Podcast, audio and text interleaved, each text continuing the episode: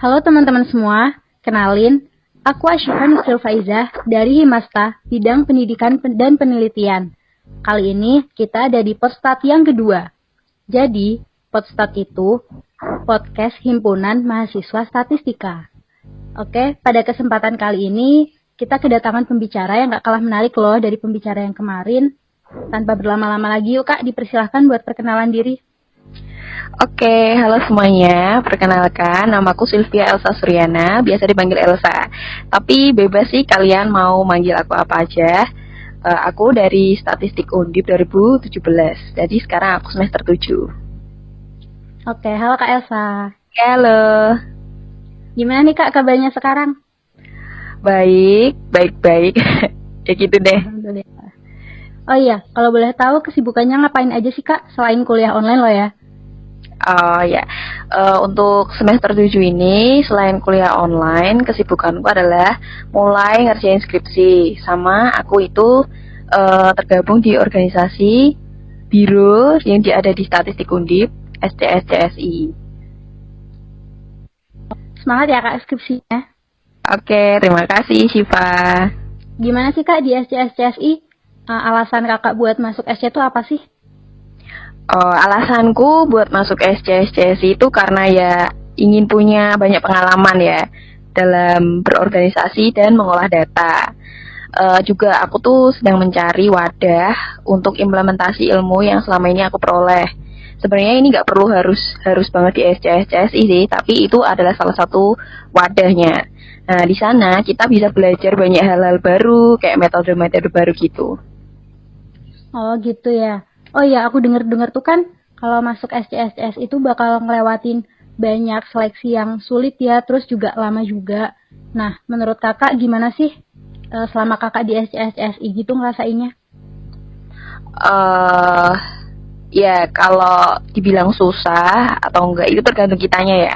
Tergantung mindset kita. Kalau mindset kita susah ya beneran susah.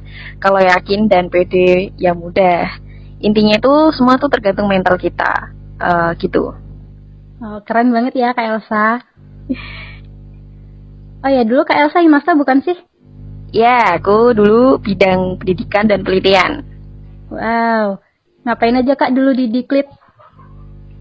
Uh, di Diklit ya kita selain mengerjakan proker-proker yang uh, yang ada yang sudah dirancang kita juga di sana kan banyak teman ya. Kita di sana berorganisasi, berorganisasi gitu.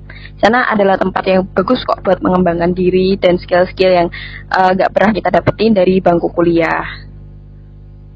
Oke. Seru nggak sih kak di Diklit? Apa bahasanya cuma kayak bahas matkul-matkul doang atau cuma proker-proker doang? Kayak kalian sering main gak sih dulu gitu seru kok kalau kita tuh bisa membawa diri dalam setiap situasi ya. Dibilang uh, serius atau kaku sih enggak ya, lebih tepatnya tuh kita lebih banyak seriusnya karena emang proyek uh, proker-proker kita tuh uh, emang harus diseriusin gitu kan kalau mau berhasil. Tapi ya kalau kita ada waktu, kita pernah kok main bareng gitu. Oh iya, menyesuaikan gitu ya, Kak. Ah, betul. Rumah Kak Elsa di mana sih? Rumah aku di Manyaran, tau gak? Semarang Barat gitu. Semarang ya, Semarang Barat. Oh, bawah ya, Kak? Ya, betul. Terus kalau ada rapat gitu, kalau ada kegiatan malam di Tembalang, gimana tuh Kak Elsa? Bawa motor sendiri atau gimana? Kebetulan uh, waktu aku masa-masa yang waktu aku masih organisasi di Himasta itu, aku belum bisa naik motor. Jadi ya aku nginep di kosan teman sekalian silaturahmi gitu. Oh, jadi sering nginep dulu ya kak di Tembalang di kos gitu? Iya betul, ganti-ganti gitu lumayan lah silaturahmi. Nah, dulu kak Elsa pegang proker apa kak waktu di Diklit? Uh, untuk proker yang terbesar aku yang pernah aku pegang itu DSO di Penegoro oh. Statistik Olimpiad. Oh, dulu pertama kali itu dipegang sama Kak Elsa nggak sih? Ya, itu itu uh, proker DSO itu yang pertama kali diselenggarakan. Keren ya. Gimana sih kak dulu pertamanya gitu perasaan kakak mungkin optimis nggak? Terus sempet takut juga nggak? Kan itu buat bener-bener pertama kali dipegang sama kak Elsa tuh. Terus usaha apa aja yang bisa yang kak Elsa lakukan supaya banyak tuh menarik peserta? Oke, jadi perasaan aku ya awalnya tuh takut banget. Aku nggak ada pengalaman nih jadi ketua panitia. Aku juga nggak berpengalaman banyak dalam leadership. Sekalinya dikasih amanah tuh segede itu gitu. Jadi betul-betul dan apalagi itu acara tuh diharapkan banyak pihak keberhasilannya. Ini beban banget buat aku awalnya. Jadi tiap tidur tuh kadang tuh kepikiran banget sampai pengen nangis.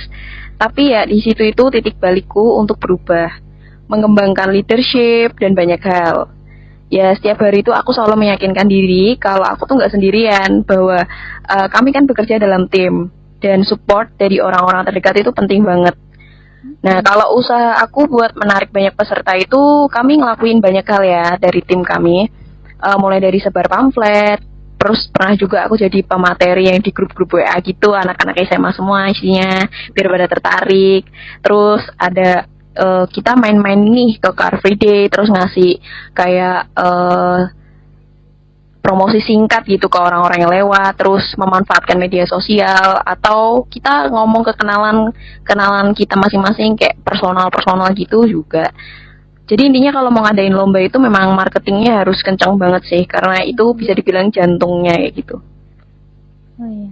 Oh, dari tadi yang kakak ceritain tuh kayaknya tuh sibuk banget gitu loh kak. Organisasi-organisasi SCSCSI, Himasta gitu kan kak.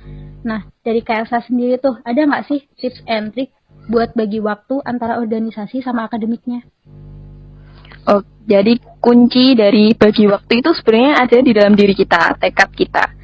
Durasi dalam satu hari semua orang itu kan sama ya.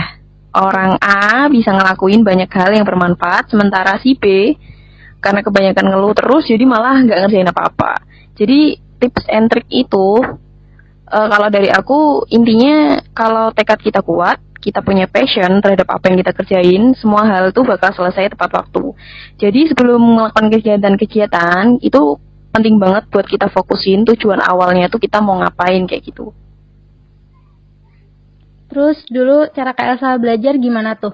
Uh, supaya nilai tetap stabil, tetapi bisa ikut banyak kegiatan juga kayak mungkin Kak Esa belajarnya malam atau di sela-sela istirahat organisasi atau gimana Kak?